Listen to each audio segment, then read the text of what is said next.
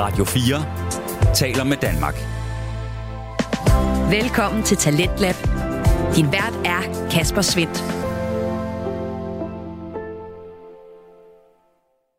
Velkommen til en ny uge her på programmet, som øh, præsenterer og udvikler danske fritidspodcast. I aften der skal vi kigge både på vores øh, adfærd og på en øh, kontroversiel musiker. Og vi skal først have fat i vores tid med Ahmed og Isra, som taler om adfærdspsykologi med Anne Mette Stål, der mener, der følger noget helt bestemt med i hendes arbejde. Altså man har et ansvar, når man kan de ting, jeg kan. Altså så skal man, så skal man ja, være sit ansvar bevidst. Så kan man jo ikke bare gå ind og få altså, og rådgive en virksomhed, der for eksempel sender, sælger e-cigaretter til unge mennesker. Det kunne jeg jo ikke finde på. Og så lidt senere i aften, der skal vi så vende os mod musikken i fuld plade, der denne gang tager fat i Michael Jackson, og der er altså ikke mangel på øh, vilde historier om ham. Blandt andet kan du høre den her fortælling om øh, en af hans største hits. Er det, er det sådan en... Okay, er det her reelt, eller er det bare noget lort, du fører? nej, nej, nej, nej. Det er The Force.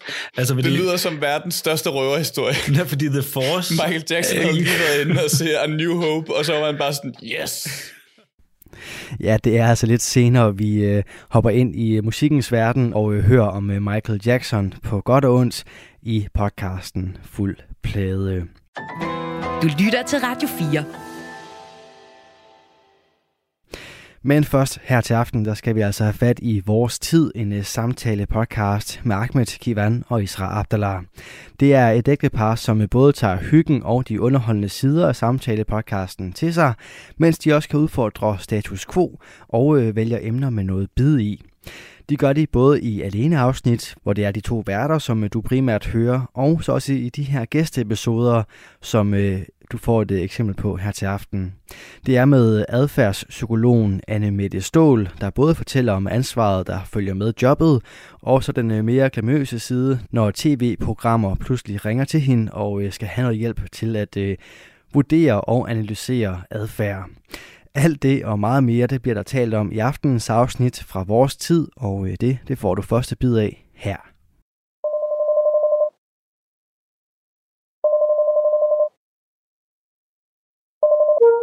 Hallo? Hallo skat, hvor bliver du af? Jeg er lige ved at være der. Du kan bare starte introen, så kommer jeg. Yes, det gør jeg så. Hej. Vi, vi ses om lidt. Hej.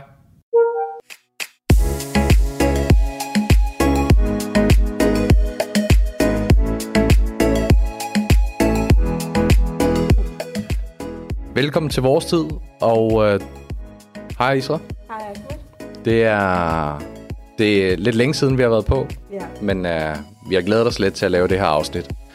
Fordi at, øh, eller ret meget, fordi at vi har valgt at beskæftige os med, i det her afsnit med, med noget, som vi har dykket lidt ind i, men stadig ikke helt forstår. Så der tænker jeg, at vi har fået en, som der kan ligesom belære os lidt, hvordan det...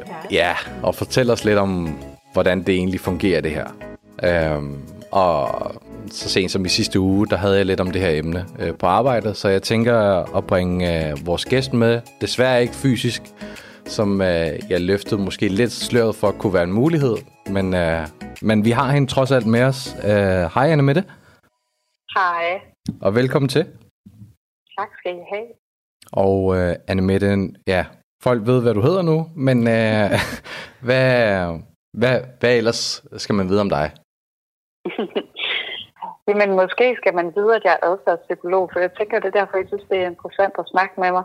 Jo. Ja. Så hver dag der arbejder jeg jo med, øh, med adfærd, egentlig primært inden for det område, der hedder adfærdsdesign, hvor at man arbejder med at ændre personers adfærd. Det er typisk danskernes adfærd for private virksomheder eller NGO'er eller myndigheder, der har brug for at ændre adfærd i en eller anden bestemt retning, som for eksempel under coronapandemien, hvor vi alle sammen skulle holde afstand eller sprit af, eller mm. ja, alkohol og samfund arbejder rigtig meget for. Sammen Ja. med Trykfonden, at danskerne skal drikke mindre alkohol, for eksempel. Så det er, det er meget sådan nogle ting, jeg arbejder med. Altså at skabe adfærdsændringer i hverdagen. Nogle relevante emner, kan man sige, og der er et bestemt også, som du lige løftede sløret for, inden vi kom på, i forhold til det her med, hvilke slags dyr vi er. Mm, ja. Og, og det Det bliver... Jamen, det var jo fordi, at, øh, at du spurgte lidt ind til, om jeg arbejder med personlighedstest, og det gør jeg egentlig ikke. Men så sent som i sidste uge, der fik jeg den opgave af Zoologisk Have i København, at de gerne ville have, at jeg gik ind og så på øh, de fem løver i, øh, i DR's øh, løvens hule, og kortlagde deres adfærdstræk eller karaktertræk, kan man sige. Og så på den baggrund, der gik øh, Zoologisk Haves direktør Mads Bertelsen ind og gav dem et dyr hver, og så viste det sig, at de faktisk slet ikke var løver. De var alle mulige andre dyr. Der var en, der var løve. Det ved jeg ikke, om I kunne regne ud, hvem det kunne være. Det må Lad være os- Jesper lad os-. Ja, jeg skulle lige til at sige, at jeg vil gætte på det er Jesper. I gætter på det, Jesper. Jamen, det kunne man egentlig også sagtens have troet, men han blev faktisk... Øh, det var faktisk en isbjørn. Nå, En isbjørn? Ja. Okay. Ej, ja, en isbjørn, som er sådan meget territorial og går ind og, Nå jamen, så og styrer flokken med hård hånd og sådan noget. Der løver, de er jo sådan lidt mere flokorienteret og fællesskabsorienteret. Så det var faktisk en af kvinderne, der blev en løve. Ah, jeg tænkte nok faktisk lige efter, du sagde. Hold på, hold på den, øh, og så kommer vi ind i det øh, lidt senere. Fordi, det er godt. For, fordi øh, det, så kan vi holde lidt på lytterne, hvis Jeg- det er, at de er meget nysgerrige. Yes, jeg gad faktisk godt at vide, hvorfor lige det her fag, er det med det? Hvad fik dig, altså hvad drev dig til, at det var det, du gerne ville, ville... Altså arbejde med adfærd? Ja, lige præcis. Øh, jamen altså, til at starte med var det, altså jeg har jo læst psykologi, så jeg er jo uddannet helt almindelig klassisk psykolog. Øhm, og det er jo fordi, jeg synes, at mennesket er rigtig interessant af vores psykologi. Mm. Og så adfærd, det tror jeg egentlig bare, det er fordi, at jeg var på et kommunikations- og reklamebureau, hvor man gør alverdens ting for at få folk til at købe et produkt eller gøre en bestemt ting. Og så kunne man jo bare se, at jamen, de, altså, de vil jo rigtig gerne gøre nogle ting. For eksempel spise fisk to gange om ugen, eller seks stykker frugt og grønt om dagen, men de gør det ikke. Nej. øhm, eller man har super gode intentioner også i et parforhold, for eksempel, men har helt vildt svært ved at leve op til dem. Og så tror jeg egentlig bare, at øh, den der interesse for adfærd sådan lidt stille blomstret. Mm. Og så stødte jeg helt tilfældigt på det her område, der hedder adfærdsdesign, hvor man kan gå ind og designe adfærd. Og det synes jeg er vildt interessant, fordi vi mennesker har bare sådan et behov for kontrol af omgivelserne, så hvis man kan gå ind og kontrollere eller designe andres adfærd, så har man jo i virkeligheden en kæmpe magt. Mm. Øhm, så jeg synes, at det område er virkelig, virkelig interessant og rigtig hjælpsomt, hvis man kan bruge det på de gode sager, hvilket jeg jo rigtig gerne vil. Det vildt. Det er første gang, jeg hører ordet, eller sådan fad adfærdsdesign. Så det er vidderligt, mm. hvor man sådan kan gå ind og ændre eller designe folks adfærd. Er det, er det sådan, jeg skal forstå det?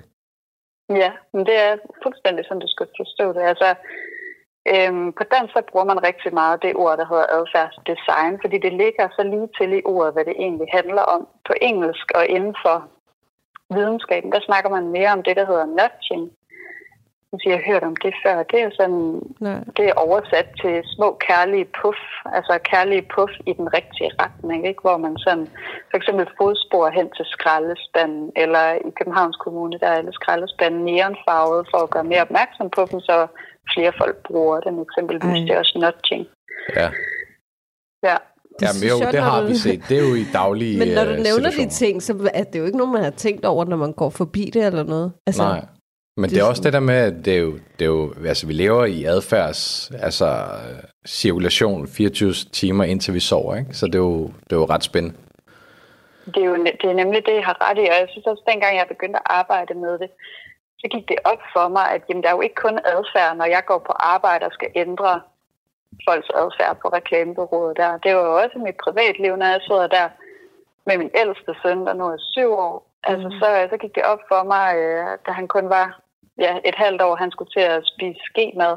Så sad jeg jo og lavede flyvemaskine med skemaden, eller Altså, du ved, havde alle mulige strategier for at få ham til at tage gummistøvlerne rigtigt på, og ikke som bananfødder og sådan noget der. Mm. Så var jeg sådan lidt, nå, jamen, vi bruger jo egentlig også adfærdsdesign i vores private liv, og at det der udsprang der sådan en bog, jeg skrev og udgav i Politikens forlag i 2020, der hedder Valdemar elsker broccoli, som mm. egentlig handler om, hvordan at vi bruger nudging eller adfærdsdesign i vores privatliv til at påvirke børns adfærd, for eksempel til at spise mere broccoli, eller øh, hvordan vi påvirker adfærd i parforholdet, og også hvordan vi påvirker vores egen adfærd. Ja. Til alt fra at nå et nytårsforsæt, til at tabe os, til at begynde at løbe, alle mulige ting. Det er, det er super spændende, fordi at, altså, bare det der med, altså, kan du øh, sådan, drage nytte af din hvad kan man sige, ekspertise i forhold til det her, til i dit private liv, eller lægger du lidt ligesom din professionelle tilgang til siden, når du er i det private, eller bruger du det hele tiden? Altså, jeg bruger det rigtig meget. Ja. Det gør jeg virkelig. Øh, Jeg tror også, så bliver man arbejdsskadet på den der måde, men det er jo også, man kan sige, det er jo en eller anden form for designproces, hvor man skal gå sådan ret systematisk til værks, hvis der er en adfærd, man gerne vil forsøge at ændre. Så selvfølgelig har jeg da bare nogle ting, jeg bare lige kan gribe fra, fra værktøjskassen, hvis der man godt lige vil have ungerne til at gøre et eller andet bestemt. Men, men altså, hvis det er en eller anden helt særlig adfærd, jeg ikke lige har arbejdet med før, så er det klart, at så kræver det jo noget mere energi, og så skal jeg sådan sætte mig ind i, okay, hvordan nedbryder jeg så den barriere for at få dem til at gøre sådan og sådan. Så det er ikke altid, at det bare er så lige til, at jeg bare har sådan en magisk hat, jeg bare trækker notches op af. Ja, men øh, hvad kan man sige, Anne Mette, i forhold til, altså for eksempel her på mit arbejde, der lavede vi så gør som i sidste uge, der havde vi sådan noget med at dele folk lidt op i farver.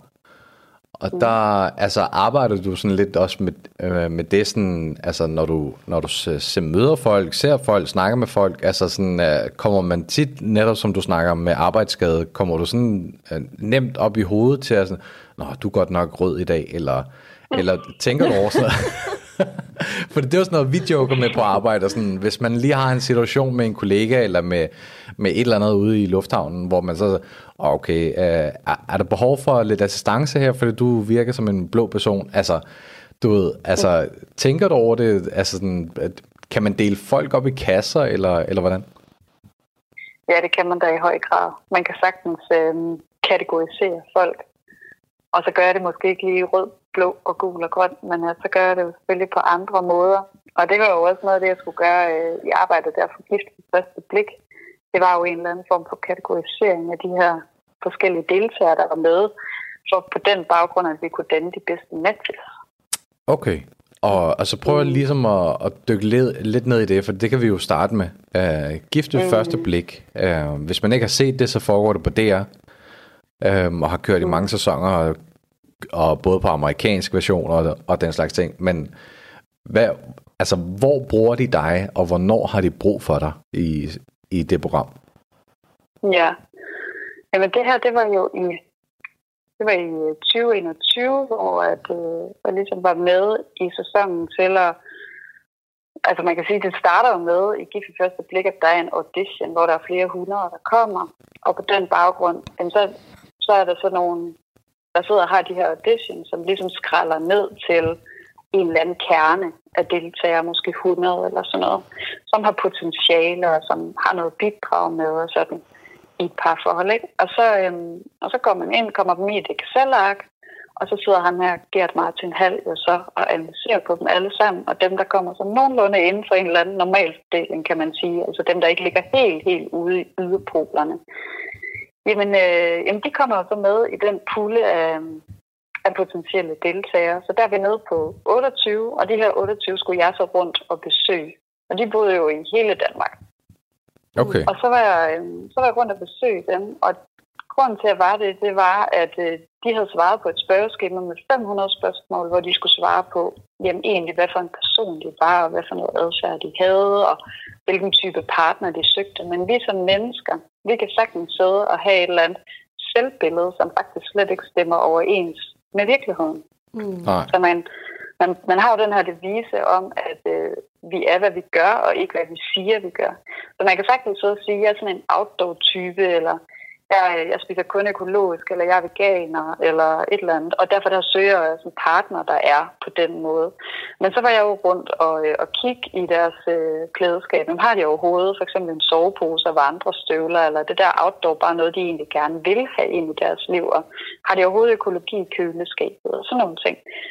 Øhm, og det er egentlig tilbage til sådan en psykologisk teori om, at vi mennesker, vi kan opdele vores tænkning i, øh, i to systemer, system 1 og system 2.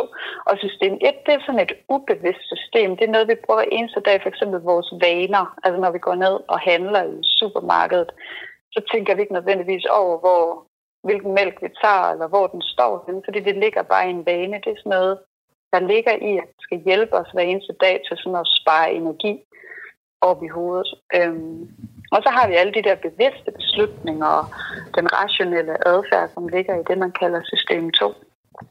Og, den, og der, jeg tror egentlig, at rigtig mange de tænker, at jeg er da bevidst om alt, hvad jeg gør i hverdagen. Men det er vi bare overhovedet ikke. Man siger faktisk, at mellem 50 og 95 procent af tiden, der handler vi ubevidst. Mm. Så det vil jo sige, at når folk går ind og svarer på de her spørgeskemaer om, hvem de er, hvilken type de er, så, øh, så er det jo i høj grad en ubevidst ting, der foregår. Altså så, øh, så jeg skulle jo så gå ind og sige, stemmer det her bevidst, er det ubevidst, er system 1 og 2 stemmer det overhovedet over en. Så det gjorde det jo faktisk ikke i mange tilfælde. Der var jo for eksempel et, et eksempel på en deltager, som sagde, at han primært spiste økologisk og sådan noget. Og så da vi kom derned, der var der bare nul økologisk i ja. Så det er jo meget interessant. Og så, altså, da jeg så havde været rundt og besøgt dem alle sammen, så havde ham, der hed Jakob, der var med der i 2021, han havde så haft øh, samtaler med dem alle sammen. Mm. Også og sådan gået mere øh, i dybden med deres barndom og deres tidligere forhold og relationer og sådan noget. Og så, som Gert han så fint sagde, så er det jo lidt ligesom at sidde og se en elefant fra hver sin side. Altså de her deltagere, hvem er de egentlig?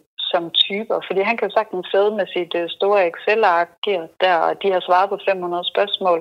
Men jeg har måske et fuldstændig andet indtryk af dem ved at have været i deres hjem og kigget mm. i deres skabe og set, hvad for nogle apps de har, og hvor stor en sofa og Ej, hvor ting. Ikke? Så, øhm, så det er på den måde, man sådan kan gå ind og kigge på folks adfærd og se egentlig, jamen, hvad de er for en type.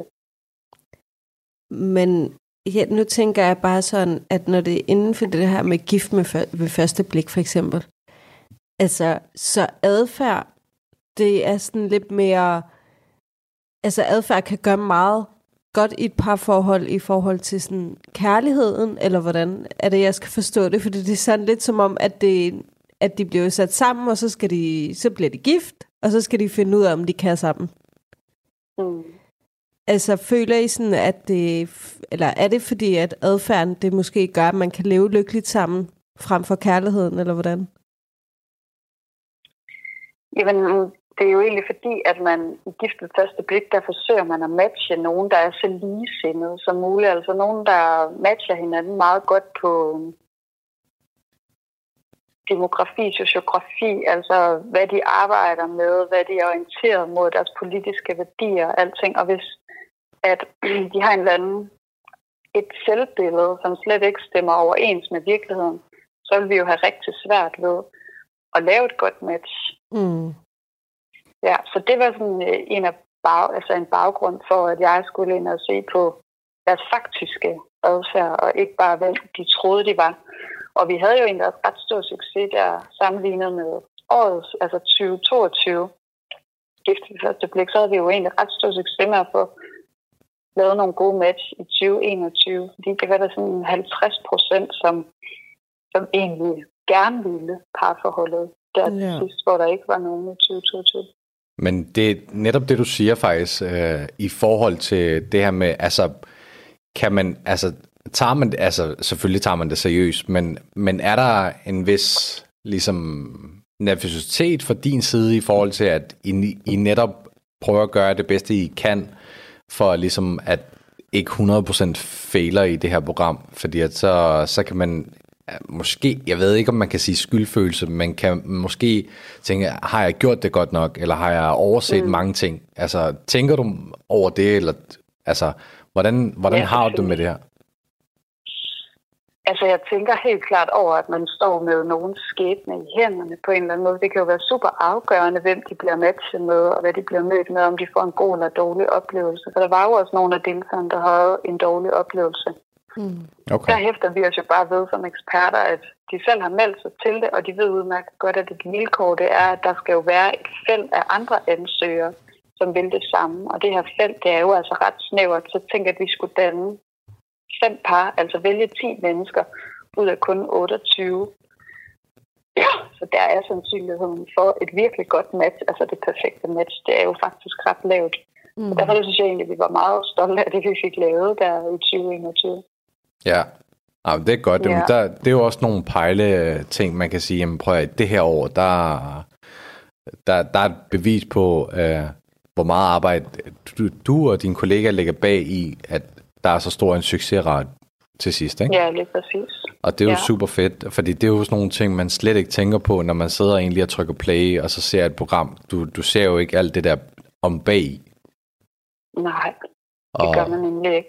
Altså, jeg skulle tage sådan en, uh, bare her i går, der tog jeg en, uh, en test ud for, hvordan jeg er, uh, ud for, hvordan jeg arbejder, og ikke, hvordan jeg er i privaten. Og der synes jeg også, det er sådan ret spændende at se, hvad ligger man i skuffen, når man er på arbejde, og hvordan er man, når man faktisk egentlig kommer hjem. Det er sådan to, altså, jeg vil ikke sige vidt forskellige adfærd, men, men der er en vis, en, en anden måde at være adfærdsmenneske på, når man er på arbejde, og hvordan man er i privaten.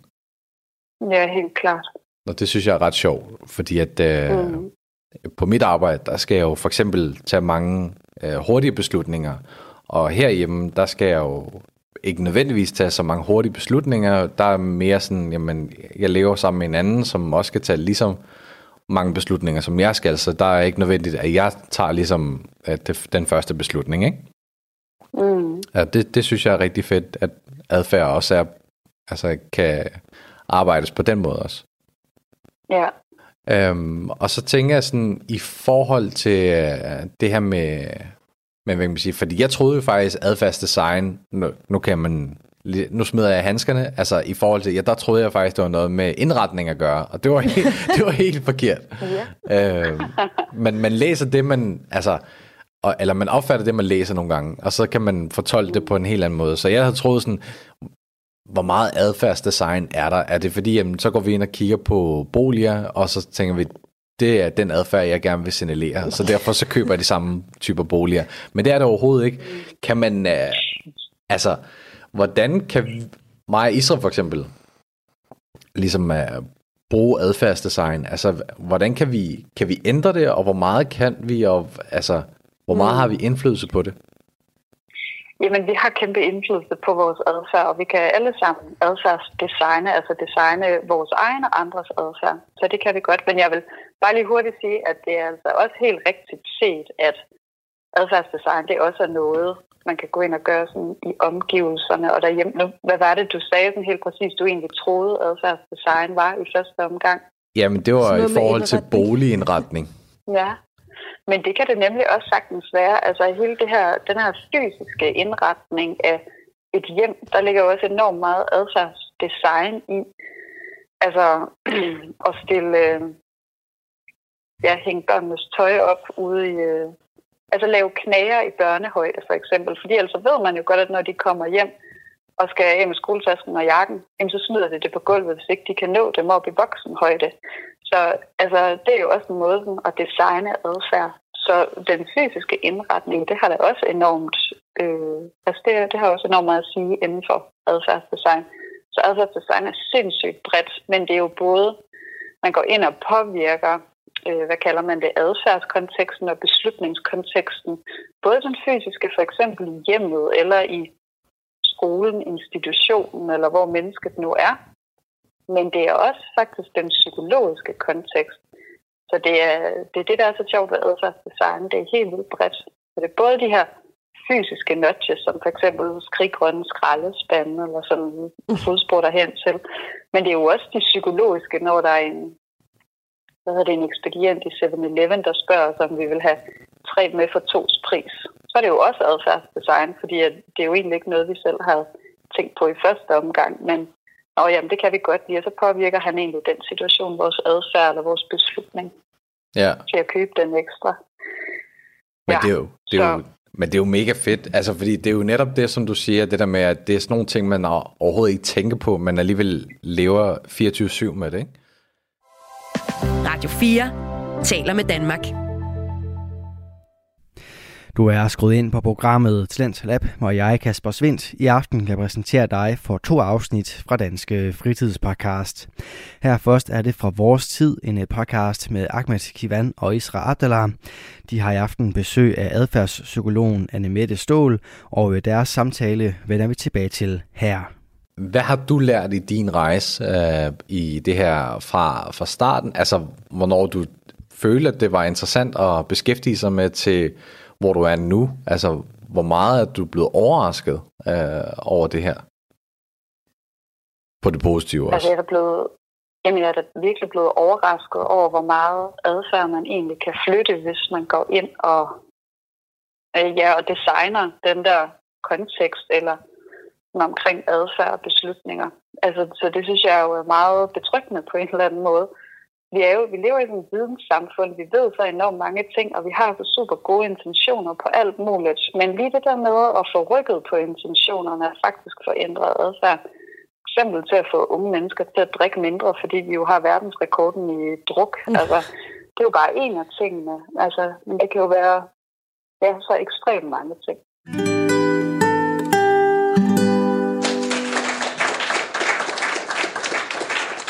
Det her med alkohol, hvor meget kan du ligesom, ja. øh, hvilke succesoplevelser har du haft, eller altså inden for ja. det emne? Jamen altså, jeg arbejder jo faktisk rigtig meget for Trykfondens projekter derunder alkohol og samfund, som jo er sådan en NGO, der arbejder for, at danskerne skal have en bedre alkoholkultur, med bæredygtig alkoholkultur. Og noget af det, de arbejder rigtig meget for lige for tiden, og vi er begyndt at fokusere meget på, det er jo netop ungestruk. Og derudover så, udover unge, så er ældre, altså plus 65 er faktisk en gruppe, som også drikker for meget. Så det er noget, vi sådan lige så småt er startet op på nu, for at, at gøre noget ved. Men jeg har jo arbejdet en del for alkohol og samfund de sidste år. Der har der været meget mere fokus på de her alkoholafhængige, eller dem, der har sådan et meget skadeligt forbrug egentlig. Og noget af det, vi har gjort der, det er at se på, altså det er jo, man går jo egentlig enormt analytisk til værks, fordi man går ind og så laver man nogle undersøgelser, så fandt vi for eksempel ud af, at hvis danskerne de fik et øh, alkoholproblem, det spurgte vi ud som en kæmpe stor befolkningsundersøgelse, en hel masse andre spørgsmål selvfølgelig. Men så spurgte man, øh, hvor ville I gå hen, hvis I havde et alkoholproblem? Og der svarede størstedelen faktisk, at de ville gå til egen læge. Okay, men så ved vi jo ligesom på sådan en brugerrejse der, men så er det jo egen læge, vi skal gå ind og nudge, kan man sige, til at hjælpe danskerne mm. med de her alkoholproblemer. Fordi når vi kiggede på sådan nogle registerdata, så kunne vi jo se, at der faktisk kun var 4 procent, der blev henvist fra egen læge til alkoholbehandling. Og det er jo alt for lidt, når man kunne se, at langt over 50 procent af danskerne ville gå til egen læge, hvis de havde et alkoholproblem. Og så gik vi ind og lavede sådan nogle nudges faktisk ved lægen, hvor de fik sådan egentlig bare et lille postkort, som kunne stå på deres konsultationsbord, og så var der bare tre trin, der hed op, og så, øhm, og så skulle de bare gå igennem de her tre trin, hvis de, øh, hvis de havde sådan mistanke om, at en patient havde alkoholproblemer. Og så kunne de så sende videre. Og der kunne man bare se, at der blev henvist langt flere til kommunal alkoholbehandling. Så det er jo vildt fedt, at man sådan kan gå ind så analytisk og se på et problem, og så faktisk okay tænke, om så må vi prøve at skrue på de der knapper der, og så se i sidste ende, at det egentlig har en effekt. Ja. Er det også nødvendigt at, ligesom at inddrage lægerne til det, altså de, de altså private læger i forhold til det, eller kan man undgå ligesom det der mellemled, eller skal man gå i den, den vej? Det blev vi jo bare nødt til i den forbindelse der, fordi at danskerne sagde, at, øh, at de vil gå til egen læge. Men derudover så laver vi jo også store informationskampagner, fordi selve oplysningen er rigtig vigtig. Så vi har jo kørt et par år der jo før et samarbejde med TV2, hvor hele hele ugen, så har, så har der været indslag i Godmorgen Danmark, hvor folk har fortalt om alkoholproblemer og sådan noget, fordi vi ved, at den største barriere for overhovedet at søge behandling, det er, øh, at man synes, at det er skamfuldt. Så det her med at aftabuisere og afstigmatisere, det er en kæmpe, altså det har så stor en vigtighed i forhold til at få flere til at søge behandling. Så det er jo også et element i det, og egentlig også adfærdsdesign. Ja, og så der, der er har du... så mange knapper at skrue på. Mm. Og der har du, hvad kan man sige, nu så vi også øh, et program, hvor de også snakkede om de her unge, der ryger de her puff. Puffbars. Puffbars hedder det. Ikke, hvad er. Nej, det var åbenbart et, et nyt fænomen, som jeg ikke rigtig... Øh, jeg havde da set nogen unge øh, stå og ryge men jeg troede jo bare, det var el-cigaret, men det hedder så åbenbart puffbar. Men det er el-cigaret, altså det er en form for el-cigaret. Ja. Og, og der er det jo, fordi det smager af, du kan jo nærmest ønske dig, hvilken smag du gerne vil have det med. Og der er det jo sådan, der, det indeholder jo meget mere nikotin, end hvad det egentlig, altså en almindelig cigaret egentlig indeholder. Men ja. du kan overhovedet ikke mærke nikotinen, så det er jo sådan, altså det er jo faktisk u- ulovligt, fandt vi ud af. Uh, men når man kigger på det dagligt, så tror man jo bare, at det er en el-cigaret. Men det er åbenbart ulovligt ja. at sælge, uh, og det bliver markedsført til børn. Så vi har jo endnu et Ja. problem med børn, ikke? Jo, præcis. Uh, Men det er jo faktisk også et virkelig godt eksempel på nogle producenter, som mm. benytter øh, adfærdsdesign. Fordi det her med at sløre noget egentlig rimelig usundt i en god smag i det der tilfælde der, øhm, men det gør jo bare, at flere vil købe et produkt.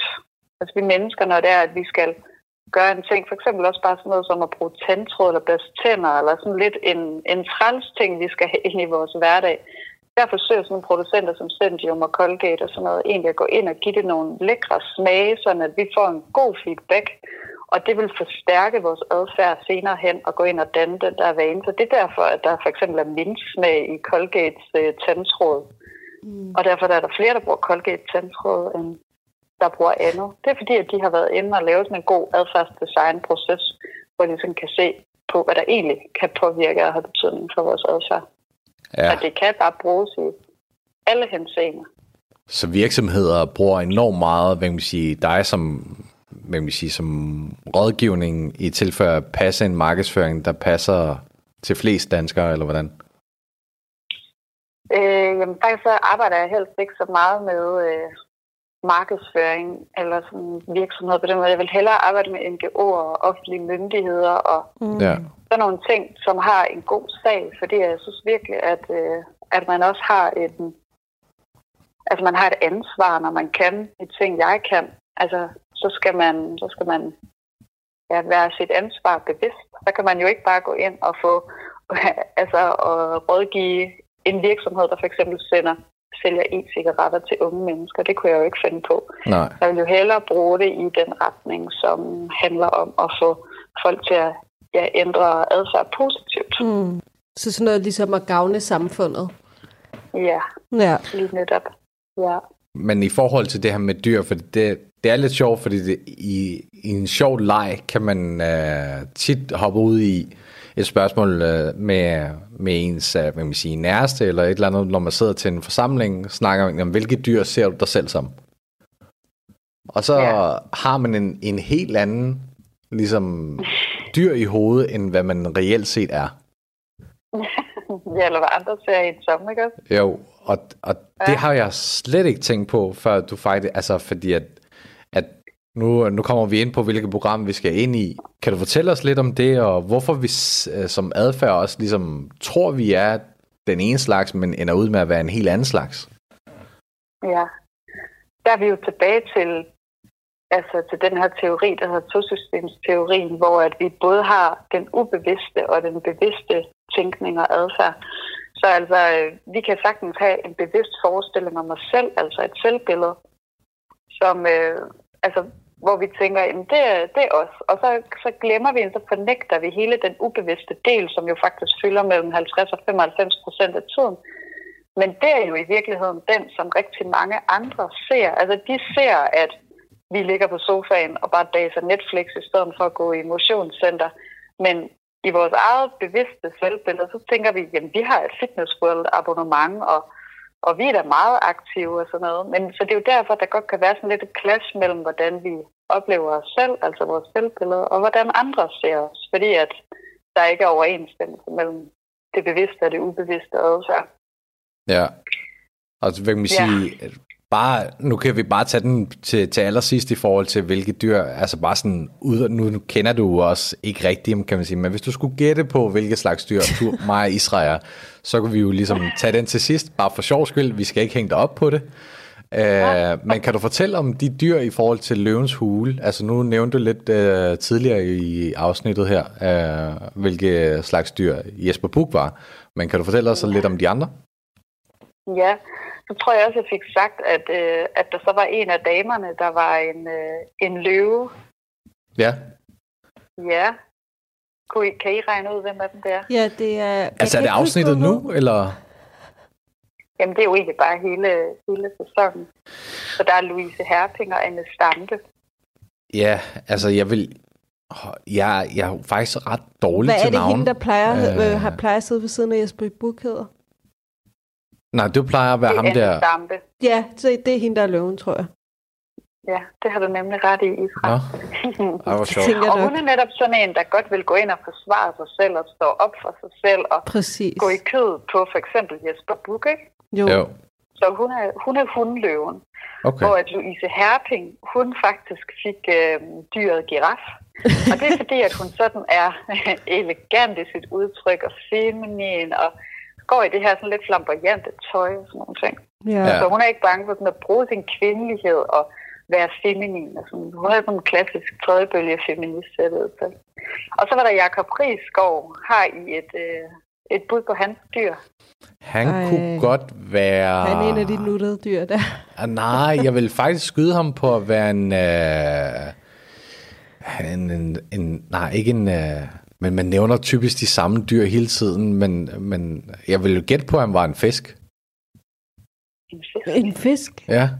Det kan jeg ikke se.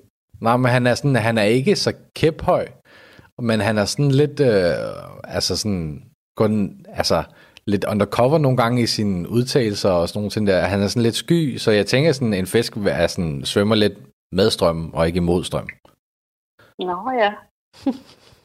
altså nu vil jeg bare skynde mig at sige, det er jo ikke mig, der har skulle sætte det her dyr på. Det er jo som sagt zoologisk direktør, der er Mads Bertelsen. Så, øhm, så jeg, står, jeg står heldigvis ikke til, øh, Til på mål for de her dyr. Men han er faktisk ikke blevet en fisk, han er blevet en elefant. Og det, tager, altså det var egentlig fordi, at det jeg ser ved Jacob Risgaard er, at han er denne her humoristiske, sjove, nede på jorden type, som er god til relationer, god til at sørge for, at folk er trygge i hans selskab og tager dem ind. Og det er noget, som er ret klassisk for sådan en, en hundelefant. Hun kan godt sådan, ja, tage folk ind og, og være sådan øh, tryg og omsorgsfuld. Og sådan. Præcis. Det er måde. så rigtigt, når du siger det Ja, men det er rigtigt. Altså, men det er jo sådan lidt forskelligt, hvordan man ser personer. Nogle gange, så kan jeg se, fordi at helt over på den anden side af fløjen, så har vi jo en, der går, elsker at gå til kødet.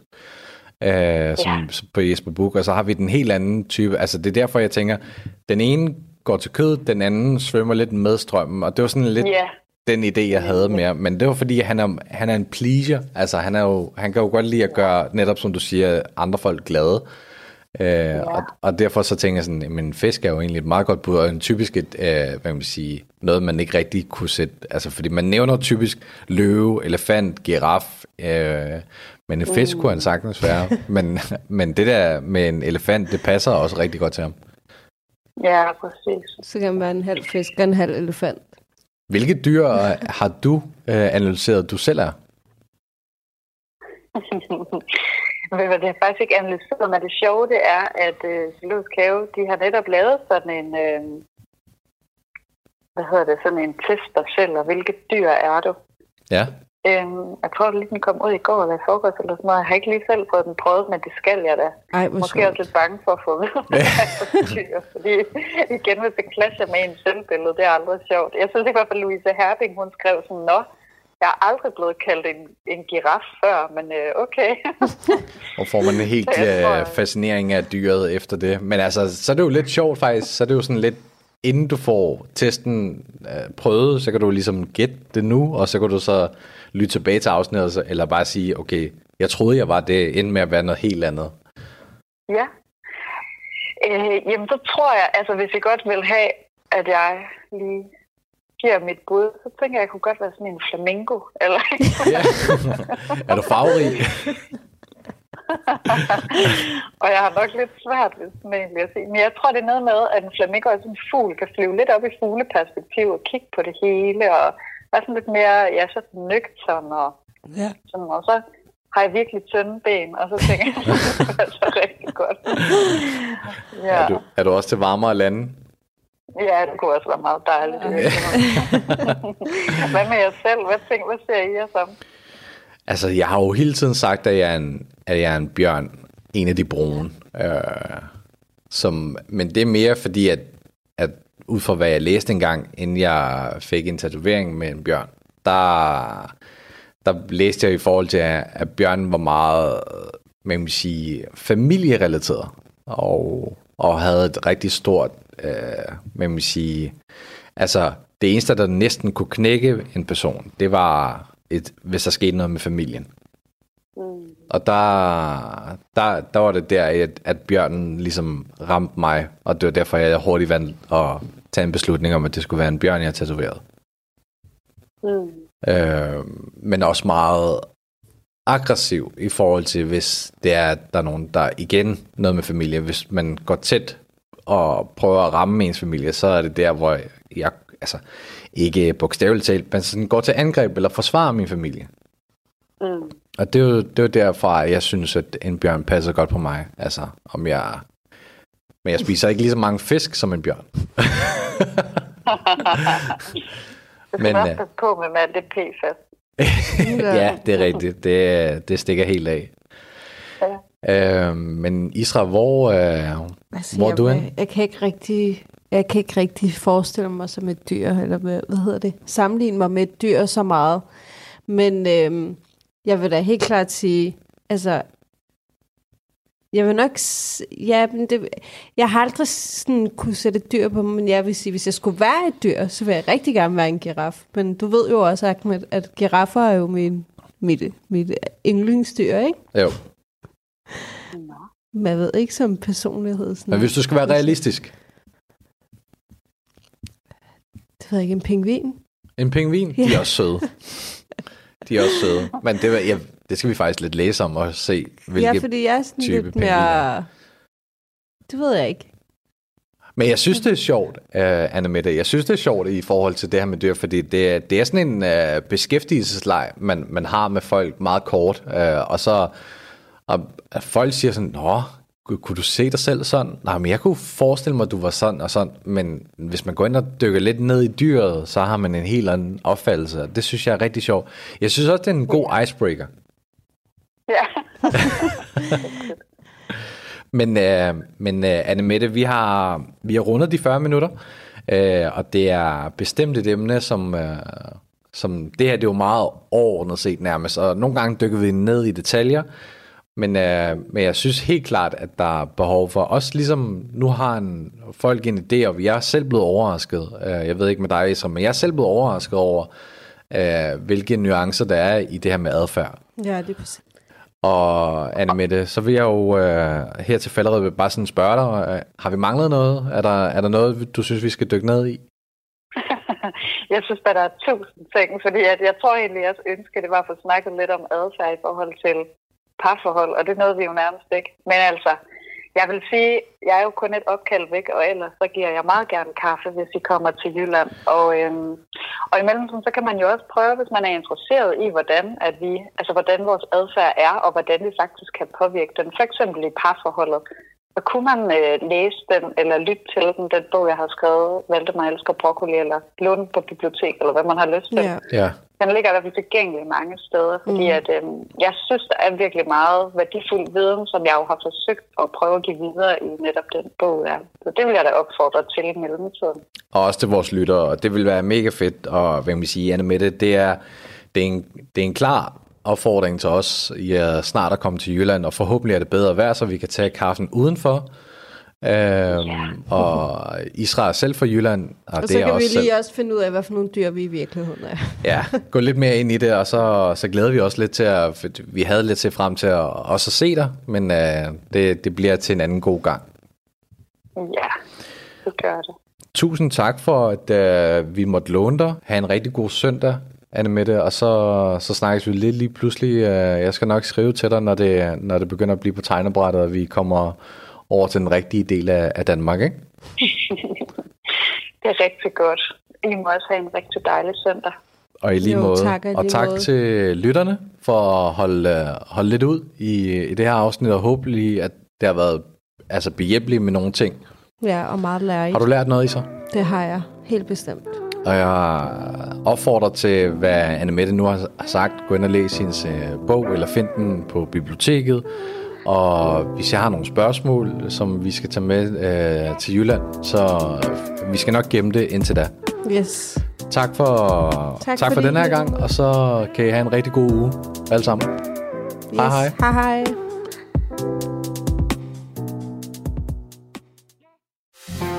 Du lytter til Talentlab på Radio 4. Og her var det samtale-podcasten Vores Tid med Ahmed Kivan og Isra Abdallah, som øh, talte med Anne Mette Stål, adfærdspsykolog.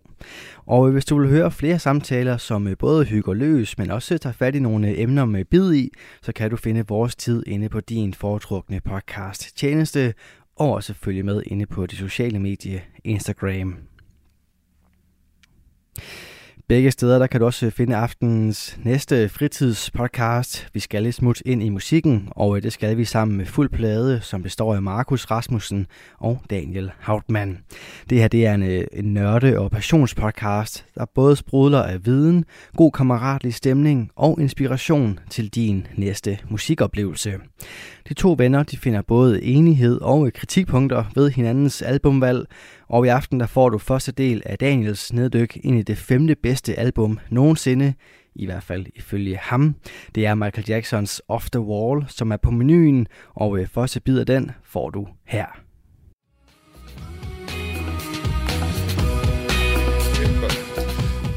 God morgen, middag og aften. Mit navn er Markus, Og mit navn, det er Daniel og du lytter til Fuld Plade, en musikpodcast, hvor Dal og Markus går igennem deres, hver deres liste over de 42 bedste udgivelser, der nogensinde er udgivet.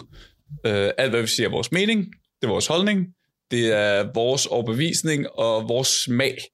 Uh, og hvis du ikke er enig, så skal du huske, at det er, du bliver mit spædbarn, og det er ligegyldigt, om du er sort eller hvid. Ja. Det er fuldstændig ligegyldigt, om du er sort eller hvid. Det er helt sikkert. Øh, Yes. Det, med, med domino-brikker. Ikke domino-brikker? Jo, domino. Måske. Nej, ikke domino-brikker. Anyway. uh, velkommen. Ja, Godt se dig, Daniel. jo tak. Øhm, det kan kan også vi sige, at man kan skrive til os. Uh, hvis, man, hvis man er uenig, så kan man også skrive til os på fuldpladekontakt at gmail.com, eller sende os en besked på Instagram fuldplade podcast, eller nyt. Find os på Facebook, der hedder vi også fuldplade podcast. What? Så hvis man bare klikker facebook.com fuldplade podcast, ingen mellemrum, så kan man også finde os derinde og lægge en anmeldelse. Det sgu da også nyt for mig. Hvornår er vi kommet Og så på Facebook? Jeg har lige gjort, jeg blev, af fuck Zuckerberg. jeg, jeg blev nødt til at sætte noget op, for at, jeg kan, for at vi kan promovere det ordentligt. Okay. Øh, ja, Og ja. man skal selvfølgelig også huske at gå ind på Spotify, lide. give os fem stjerner, Google Podcast, give os fem stjerner, iTunes, give os fem stjerner, hele det lort. Det hedder, ikke, hedder det iTunes, men hedder det ikke Apple? Det er ligegyldigt. Apple Music. Yes. Daniel, Yes. vi er, vi er videre i programmet. Vi er jo i finalen. Vi er nået Vi er til ved, øh, finalen. De fem sidste albums. Sidste uge, der gik vi igennem mit nummer 5 på listen, Deftones Saturday Night Rest. Mm. Øh, og i dag, der går vi så igennem din nummer 5. Så du har simpelthen øh, hele showet for dig selv i dag. I dag, der har jeg showet for mig selv. Ej, jeg tænker, du godt kan hjælpe mig, fordi at vi skal jo snakke om. Michael Jackson, og der er, alle har en holdning til den mand, så må ikke øh, vi godt kan finde ud af det. Mit problem med mig, jeg tror, det, det problem, jeg har med Michael Jackson i mit hoved lige nu, er sådan, jeg kan kun tænke på den der YouTube-video, hvor man har taget al hans grund, Ja, ja. og så har puttet i sådan en fire minutter lang ting uafbrudt. Ja, Det er det eneste, jeg tænker jeg, på. Jeg, jeg tænkte godt på den flere gange i den her uge også. Ja, det er, Det er det rigtigt. eneste, jeg tænker på. Ja. Apropos den her uge, øh, Daniel, hvad har du lyttet til på det seneste? Ja, men øh, jeg har været dybt nede i det her Michael Jackson-hul, vil jeg gerne mm. sige, de sidste to uger. Det har været, er øh, enig. Det har været, det har været voldsomt. Ja. og fedt og, og alt muligt. Ja, mange følelser på samme tid. Men, men jeg vil gerne lige nævne en anden kunstner, som jeg fandt frem her for et øh, stykke tid siden, som er det, der, den, den kunstner, der hedder Proxima Parada, med albumet Mm. Kind Reminder. Jeg sendte godt en sang på et tidspunkt med dem. ja. Øh, og nu hvor vi har vores egen platform her til at promovere musik, så vil jeg da gerne lige promovere det, fordi det har jeg faktisk hørt en del. Det album, der hedder Kind Reminder. ja. Øh, og især den sang, det åbner med med Dusty Seeds.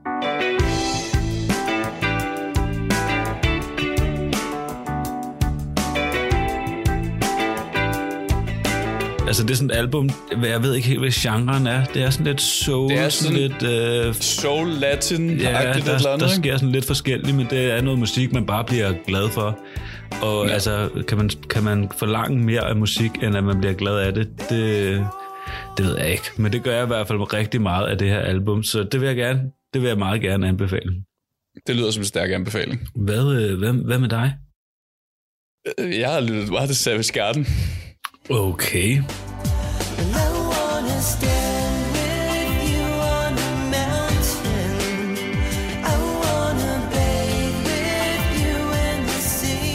Du har lyttet simpelthen lyttet til Savage Garden. Ja, jeg ved jeg havde... Det fik du øh, lige det, lyst var, til. det, var bare en, det var bare en Savage Garden kind of uge. Altså, det, der er ikke så meget at sige. Okay, så du har... Hvad, okay, hvad er Savage Garden? Nu skal jeg lige være med. Okay. wanna stand with you on the mountains. Okay, okay. Vil du Eller- anbefale en Savage Garden-sang? Uh, I know, I knew I loved you. Ja.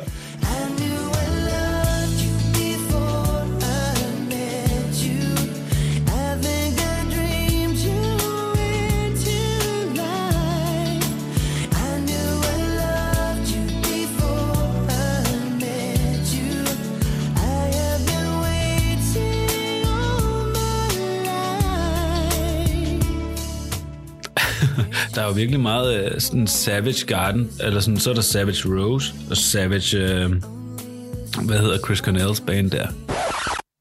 Soundgarden. Ja, det, altså det er vi er meget tæt på hinanden her, ikke? Soundgarden, Savage Nå, Garden, ja, ja, Savage ja, ja. Rose. Kan Ja, du ja. sådan se, det kunne godt være sådan en fed trio øh, CD, man kunne lave der. Uh, Savage Soundgarden Roses. ja. Ja, sjovt. Ej, øh, det, ja, hvis man skal lytte til noget rigtig øh, white guy 90'er R&B, så er det, så er det Garden. Ja, det, det lyder som boyband-musik, uden at være rigtig boyband. Der er nogle banger indimellem, det vil jeg gerne give. Nej, men altså ellers, altså ellers så har jeg, ly- altså jeg har bare lyttet meget til Michael Jackson i den uge faktisk, nu hvor vi skal tale om. Så mm. jeg har bare virkelig været nede i, i rottehullet. Rottehullet, øh, sjovt du siger det. Han har jo lavet et album til en rotte. Nå, Okay, hvis der er lidt øh, støj fra min side af, så der er nogen, der bor inde siden af. Anyway, Daniel, skal, mm. vi bare, skal vi bare hoppe ind i det? lad os bare komme i gang med det her, øh, det her MJ-show. Jeg har jo taget, øh, det er mit femte, så det er jo et af mine absolut yndlingsalbums, må man sige. Men man kunne jo sige, at vi skulle chamone. ja, Chamon videre nu. Der er, jo, der er jo lavet patent på det ord. Nej, Jo, nej. Jo, han har patent på Okay. at bruge Chamone. Okay, kom, kom. Okay, du øh, fortsæt din introduktion, så kan vi tale om bagefter. Ja, okay. Jamen, øh, jeg har jo taget mit femte album med, hvilket betyder, at det er jo et af mine absolut yndlingsalbums, og det er Michael Jacksons femte udgivelse, som er Off the Wall. Nogle vil jo sige, at det var hans første udgivelse, fordi det er her, hvor han rigtig, rigtig kommer til som soloartist. Inden det, der har han jo bare lavet en masse som barn, og øh, her, der bliver han voksen. Og jeg synes bare, at øh, vi skal komme i gang med noget musik, og så skal vi uh, se, om vi kan stoppe, før vi får nok. I was wondering, you know, if, you could keep on because the force it's got a lot of power and it, it makes me feel like it, it makes me feel like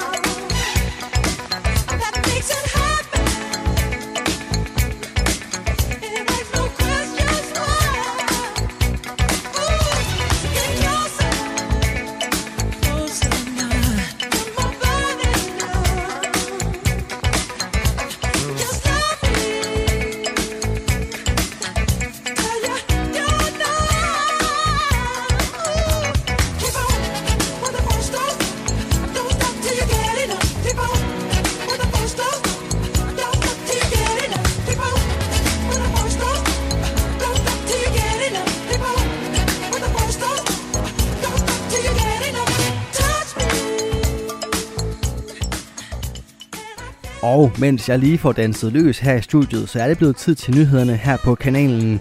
Men efter dem, så vender vi selvfølgelig tilbage til musikpodcasten Fuld Plade med Markus Rasmussen og Daniel Hauptmann, som fortsætter neddykket ind i albummet Off the Wall fra Michael Jackson. Om det også bliver danset i nyhedsstudiet, det ved jeg ikke, men her der får du i hvert fald dagens sidste nyhedsoverblik.